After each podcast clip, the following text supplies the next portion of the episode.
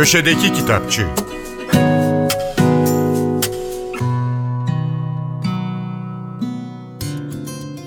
Merhaba, ben Adnan Bostancıoğlu.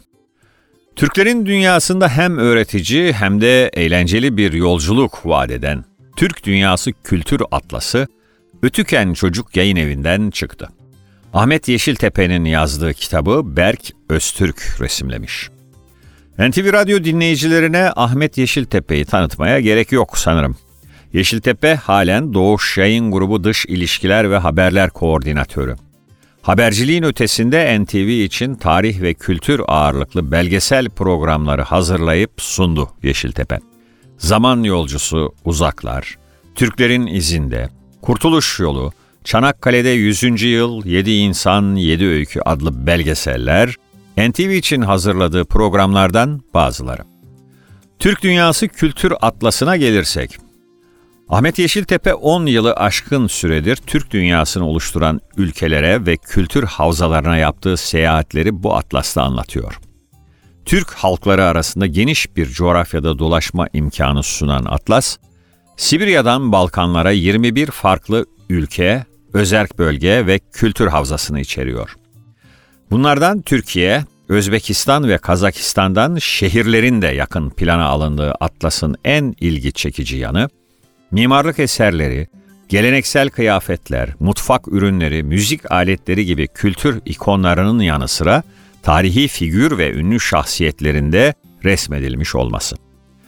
Bulmaca ve yarışma niteliği taşıyan etkinlik sayfaları da bulunan Atlas, Türklerin İzinde isimli 33 bölümden oluşan belgesel serisinin hikayelerini Berk Öztürk'ün resimleriyle kitap sayfalarına taşımış. Hasılı sonsuzluk hissi uyandıran bozkırlardan, doru bulutlarla kaplı dağlara, İpek yolu çöllerinden derin ve karanlık taygalara, soğuk tundralara, coşkun ırmaklara doğru uzun bir yolculuk vaat ediyor Türk Dünyası Kültür Atlası.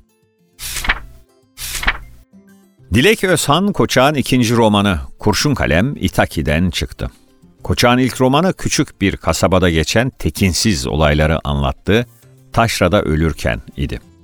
Dilek Özhan Koçak, edebiyatçılığının yanı sıra akademisyen, Marmara Üniversitesi İletişim Fakültesi Gazetecilik bölümünden mezun olan Koçak, yüksek lisans ve doktora çalışmalarında iletişim alanında yaptı. Bir dönem Cumhuriyet Gazetesi ve TRT'de muhabir olarak çalıştı. Halen Kocaeli Üniversitesi İletişim Fakültesi'nde öğretim üyesi. Gelelim Koçak'ın yeni romanına. Kurşun Kalem ağır bir hesaplaşmanın romanı. İntikam, hesaplaşma ve kısasa kısas. Şöyle denilmiş romanın arka kapağında.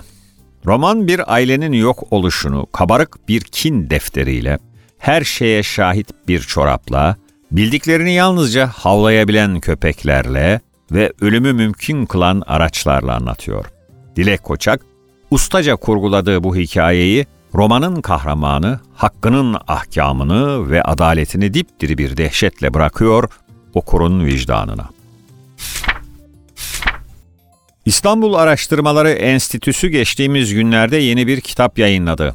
Kurmak ve Onarmak, Mimar Restoratör Mualla Eyüboğlu 1919-2009 isimli kitabı Işıl Çok Uğraş ve İrem Gençer birlikte yazmışlar.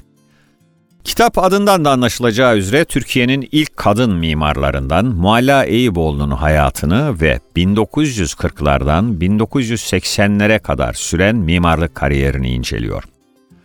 Erken Cumhuriyet dönemi mimar profilinden farklı olarak kendine özgü bir yol ve kimlik inşa eden Mualla Eyüboğlu, Cumhuriyet'in en önemli girişimlerinden olan köy enstitülerinin kuruluşunda aktif rol aldı.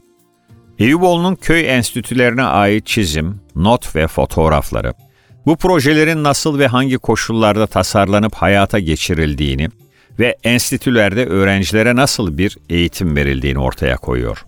Mualla Eyüboğlu, kariyerinin sonraki dönemlerinde İstanbul'daki tarihi yapıların restorasyonunda görevler aldı. Kitapta mimarın Topkapı Sarayı, Rumeli Hisarı, Siyavuş Paşa Kasrı, Şerifler Yalısı ve Ayasofya'nın bazı birimlerinde yürüttüğü onarım çalışmaları, hasar tespitleri, onarım önerileri, keşif raporları, krokiler, notlar, resmi yazışmalar ve fotoğraflar eşliğinde inceleniyor.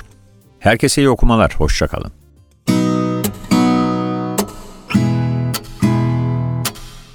Köşedeki Kitapçı